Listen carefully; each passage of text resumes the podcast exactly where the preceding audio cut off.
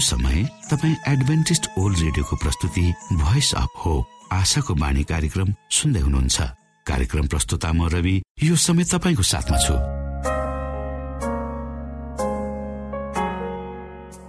आदरणीय श्रोता लाखौं करोडौं ध्वनि तरङ्गहरूको बीचमा भरोसा योग्य आशाका आत्मिक सन्देश सहित आशाको बाणी कार्यक्रम तपाईँको सामु आइपुगेको छ। यी तरङ्गमा शक्ति छ यी तरङ्गमा जीवित परमेश्वरको अनुग्रह छ।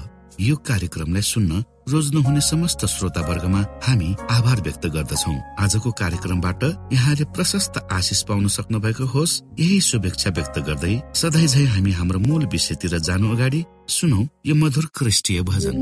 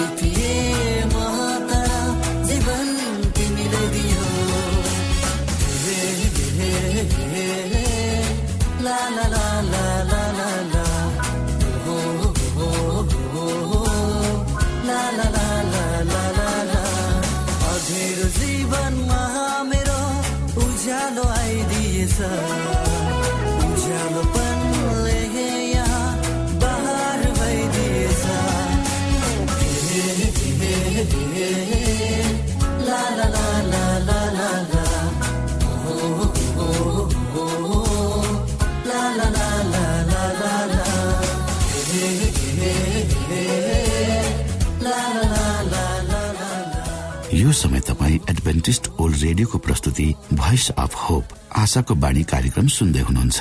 श्रोता मित्र यो समय हामी पास्टर उमेश पोखरेलबाट आजको बाइबल सन्देश सुन्नेछौ। श्रोत साथी न्यानो अभिवादन साथ म तपाईँहरूको आफ्नै आफन्त अर्थात् पास्ट उमेश पोखरेल परमेश्वरको वचन लिएर यो रेडियो कार्यक्रम मार्फत तपाईँहरूको घरमा उपस्थित भएको छु। आउनुहोस् तपाईँ हामी केही समय परमेश्वर सँगसँगै आफ्नो समयलाई बिताउ। आजको प्रस्तुतिलाई पास गर्नुभन्दा पहिले आउनुहोस् म परमेश्वरमा अगुवाईको लागि बिन्ती राख्नेछु।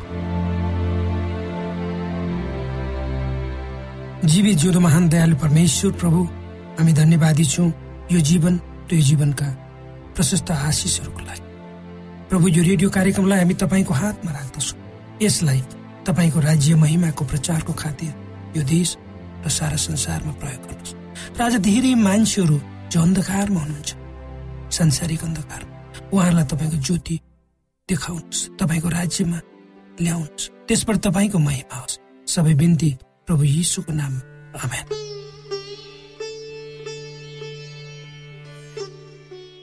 श्रोत साथी आजको प्रस्तुतिमा म प्रभु यीशु क्रिस्टका एउटा महान चेला पावलको विषयमा नै कुरा गर्नेछु। र उनी भन्छन् आफ्नो पत्रमा हाम्रा प्रभु यीशु क्रिस्टको क्रुस बाहेक अरू कुनै पनि कुरा म माथि घमण्ड गर्ने कुरा मदेखि दूर रहोस्। जसद्वारा म चाहिँ संसारको लेखी र संसार मेरो लेखी क्रुसमा झुन्ड्याइएको छ। परमेश्वरको वचन अनुसार इसाईहरू जीवित र मृतक दुवै अवस्थामा जिरहेको पाइन्छ। यसै क्रममा पवित्र धर्मशास्त्र बाइबलको यहुन्ना भन्ने पुस्तकको पहिलो अध्यायको दश पदलाई पढ्दा यहाँ यसरी लेखिएको पाइन्छ। उहाँ संसारमा हुनुहुन्थ्यो। संसार उहाँद्वारा बनियो तापनि संसारले उहाँलाई चिनेन त्यसभन्दा अगाडि यसरी यही यहुन्ना एक अध्यायको तीन पदमा लेखिएको छ। सबै थोक उहाँद्वारा बनिए। र बनिएको कुनै पनि थोक उहाँ बिना बनिएन। प्रभु यीशु पापीहरूलाई बचाउनको निम्ति यस संसारमा आउनु पर्यो अर्थात् उहाँ आफ्नै संसारमा आउनुभयो तर उहाँलाई आफ्नैले चिनेनन्। जब प्रभु यीशु यस संसारमा संसारको मुक्तिदाताको रूपमा आउनुभयो तर उहाँले आफूले सुरुमा सृष्टि गर्नुभएको त्यो सुन्दर र पवित्र संसार पाउनु भएन अर्थात् आफूले सृष्टि गर्दाको समयको संसार उहाँले पाउनु भएन। उक्त विषयलाई पहिलो यौन्ना भन्ने पुस्तकको दुई अध्यायको स्वर पदले यसरी स्पष्ट पारेको छ। आउनुहोस् हामी पढौँ। पवित्र धर्मशास्त्र बाइबलको पहिलो यौन्ना दुई अध्यायको स्वर पद किनकि संसारमा भएका सबै थोक अर्थात् शरीरको अभिलाषा आँखाको अभिलाषा जीवनको सेखी पिताबाट आएको होइन तर संसारबाट आएको हुन्।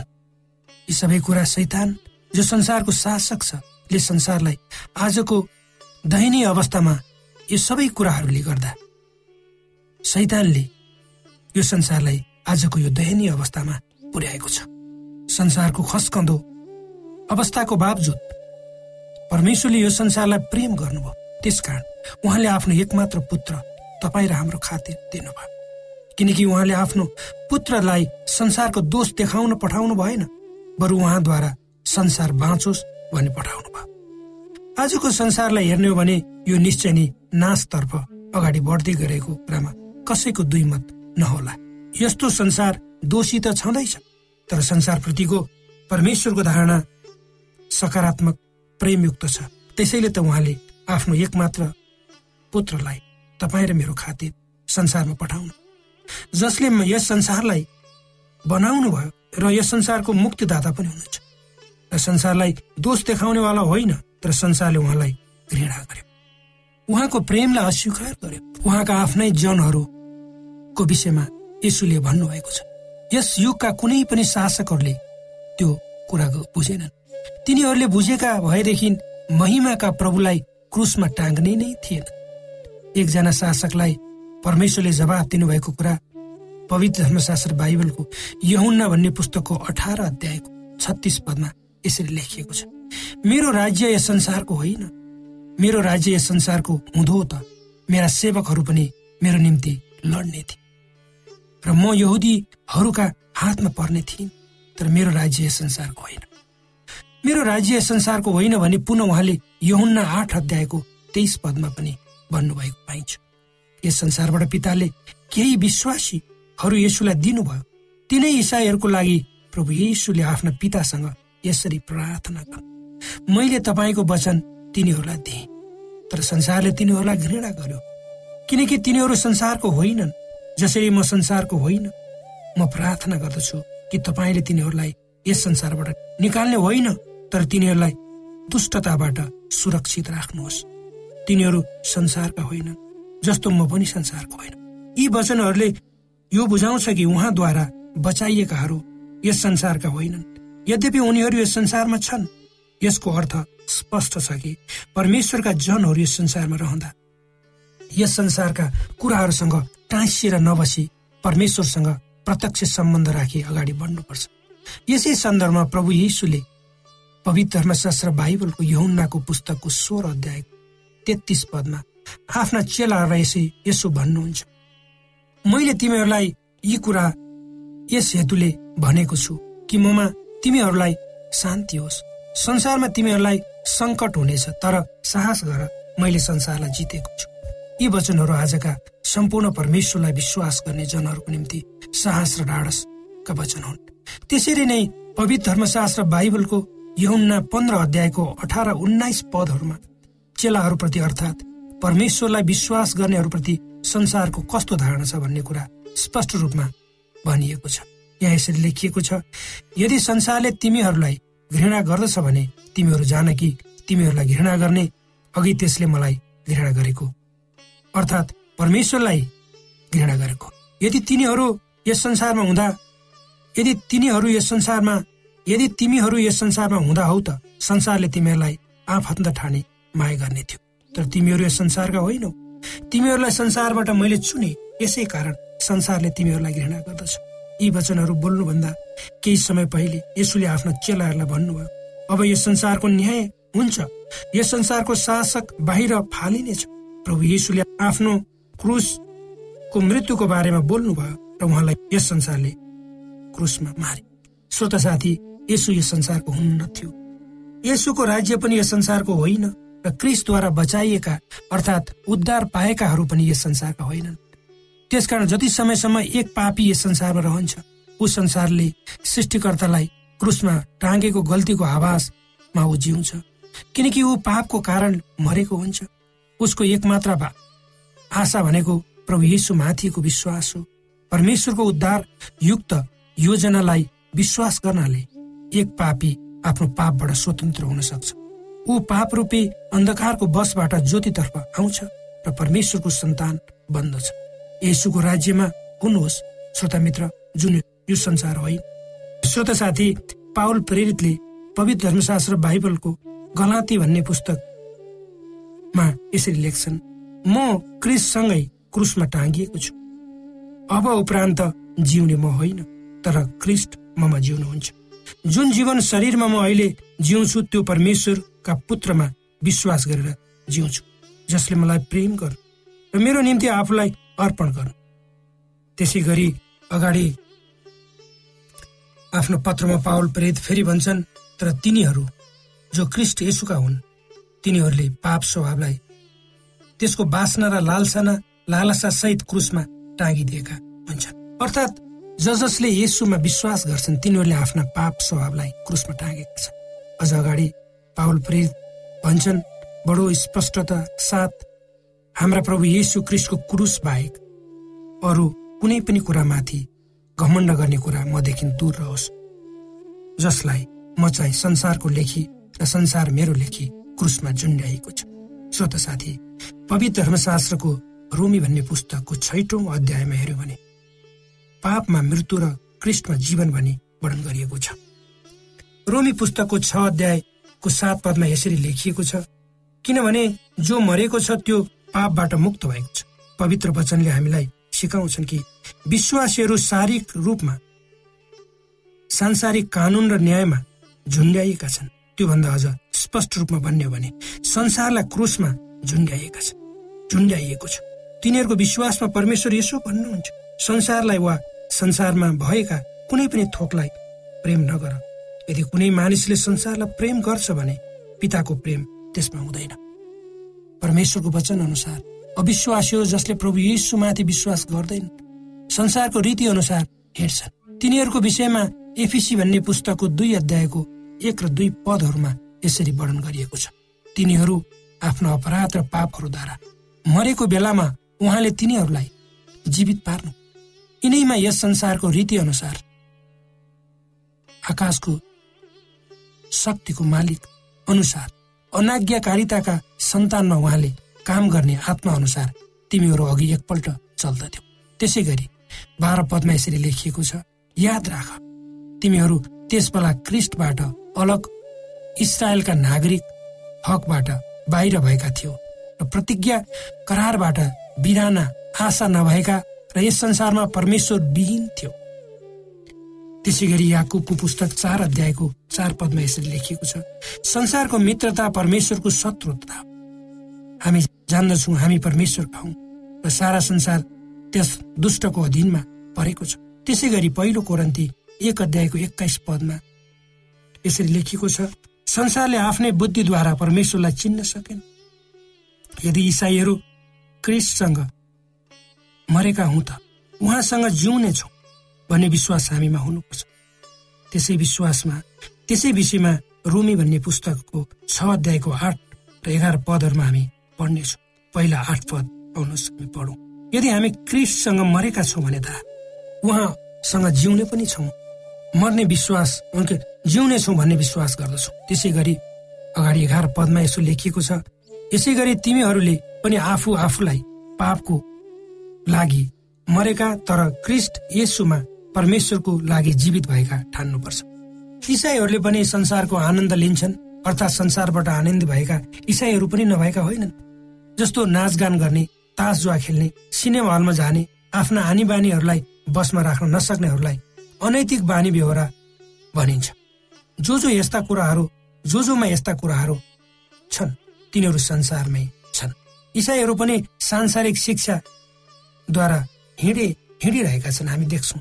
यस विषयमा धर्मशास्त्रले यसो भन्छ ध्यान देऊ कि कसैले दर्शन ज्ञान र खोक्रो छलद्वारा तिमीहरूलाई स्वीकार तिमीहरूलाई शिकार नबनाओस् जो क्रिस्टका अनुसार होइन। तर मानिसको परम्परा र विश्वास आधारभूत सिद्धान्तहरूमाथि अड्किएका हुन्छन्। अर्थात् इसाईहरूले आफ्नो सोचाइ विचार र भावनाहरू सांसारिक ज्ञान र विज्ञानमा भर पर्नु पर्दैन। र जीवनको सेखी देखि इसाईहरू सतर्क रहनुपर्छ।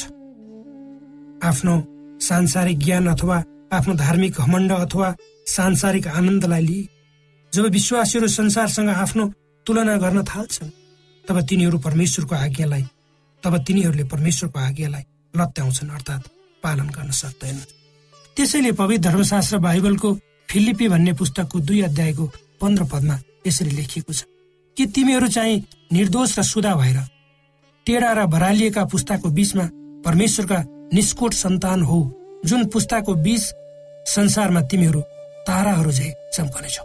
जब मुक्तिदाता यस संसारमा हुनुहुन्थ्यो उहाँले भन्नुभयो म संसारको ज्योति हुँ।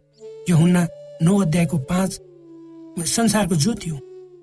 र आफ्ना चेलाहरूलाई उहाँले तिनीहरू संसारका ज्योति तिमीहरू पनि संसारका ज्योति हो भनी भन्। र यो र यो पनि सत्य हो कि संसार नष्ट नहोस् भने ज्योति यस संसारमा आयो। तर आजको संसारले ज्योतिलाई भन्दा अन्धकारलाई बढी मन पराउँछ किनकि खराब कामहरू ज्योतिमा आउन सक्दैन। त्यसकारण यो सिसाईहरूको जिम्मेवारी पनि हो कि उनीहरूले यसुको ज्योतिलाई निरन्तर बालिराख्नुपर्छ र अन्धकारयुक्त यस संसारमा ज्योति चम्कनुपर्छ। त्यसको साथसाथै यस संसारको शासक सैतान हो र उसले कहिले पनि संसारका कहिले पनि संसारमा शान्ति आनन्द प्रेमद्वारा परमेश्वरका जनहरू एकबद्ध भएको हेर्न चाहँदैन। श्रोता साथी आजको प्रस्तुति तपाईँलाई कस्तो लाग्यो? यदि तपाईँका कुनै जिज्ञासाहरू सरसल्लाहहरू सुझाव छन् भने कृपया हामीलाई आफ्नो पत्रद्वारा हामीलाई तपाईँको पत्रद्वारा लेख्न नभुल्नुहोला परमेश्वरले तपाईँलाई यी वचनहरूद्वारा आशिष दिनुहोस्।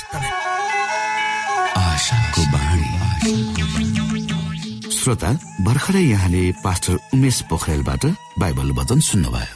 यो समय तपाईँ एडभेन्टिस्ट ओल्ड रेडियोको प्रस्तुति भोइस अफ होप आशाको बाणी कार्यक्रम सुन्दै हुनुहुन्छ। कार्यक्रम सुनेर बस्नुहुने सबै श्रोतालाई हामी हाम्रो कार्यक्रममा स्वागत गर्न चाहन्छौ। श्रोता मित्र यदि तपाईँ जीवनदेखि हरेस खानु भएको छ तपाईँका जीवनमा धेरै अनुत्तरित प्रश्नहरू छन् भने आउनुहोस् हामी तपाईँलाई परमेश्वरको ज्योतिमा डोहोऱ्याउन चाहन्छु। र तपाईँ आफ्नो जीवनका चिन्ता फिक्रीबाट निश्चिन्त हुनुहोस् र बाँच्नुको आनन्द परमेश्वरको सामिप्यमा कति मिठो हुन्छ त्यो चाख्नुहोस् भनी हामी चाहन्छौँ।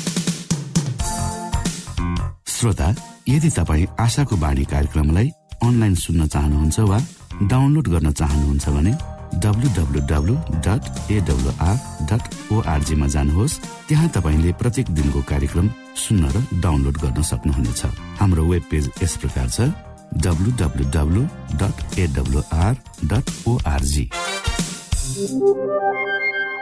श्रोता यदि तपाईँ हामीसित सिधै फोनमा सम्पर्क गर्न चाहनुहुन्छ भने हाम्रा नम्बरहरू यस प्रकार छन्।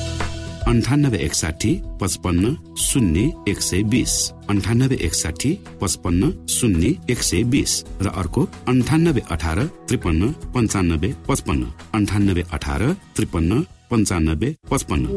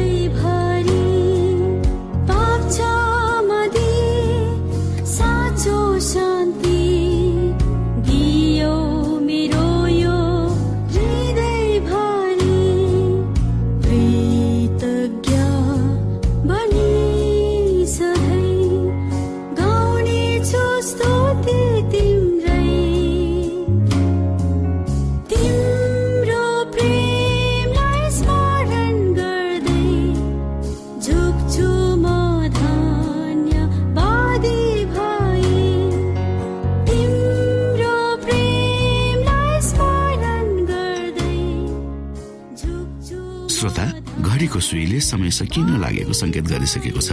श्रोतासँग अरू समय बिताउने चाहना हुँदा हुँदै पनि हामीले कार्यक्रमबाट विदा माग्ने समय आइसकेको छ। हाम्रो कार्यक्रमको विषयमा जानकारी लिनको लागि हाम्रो कार्यक्रममा सम्पर्क गर्नका लागि हाम्रो ठेगानाको बारेमा यहाँलाई जानकारी गरौं। आशाको बाणी पोस्ट बक्स नम्बर दुई शून्य शून्य शून्य दुई काठमाडौँ नेपाल। यसै गरी श्रोता यदि तपाईँ हामीसित सिधै फोनमा सम्पर्क गर्न चाहनुहुन्छ भने हाम्रा नम्बरहरू यस प्रकार छन्। अन्ठानब्बे एकसाठी पचपन्न शून्य एक सय बिस। अन्ठानब्बे एकसाठी पचपन्न शून्य एक सय बिस। र अर्को अन्ठानब्बे अठार त्रिपन्न पन्चानब्बे पचपन्न।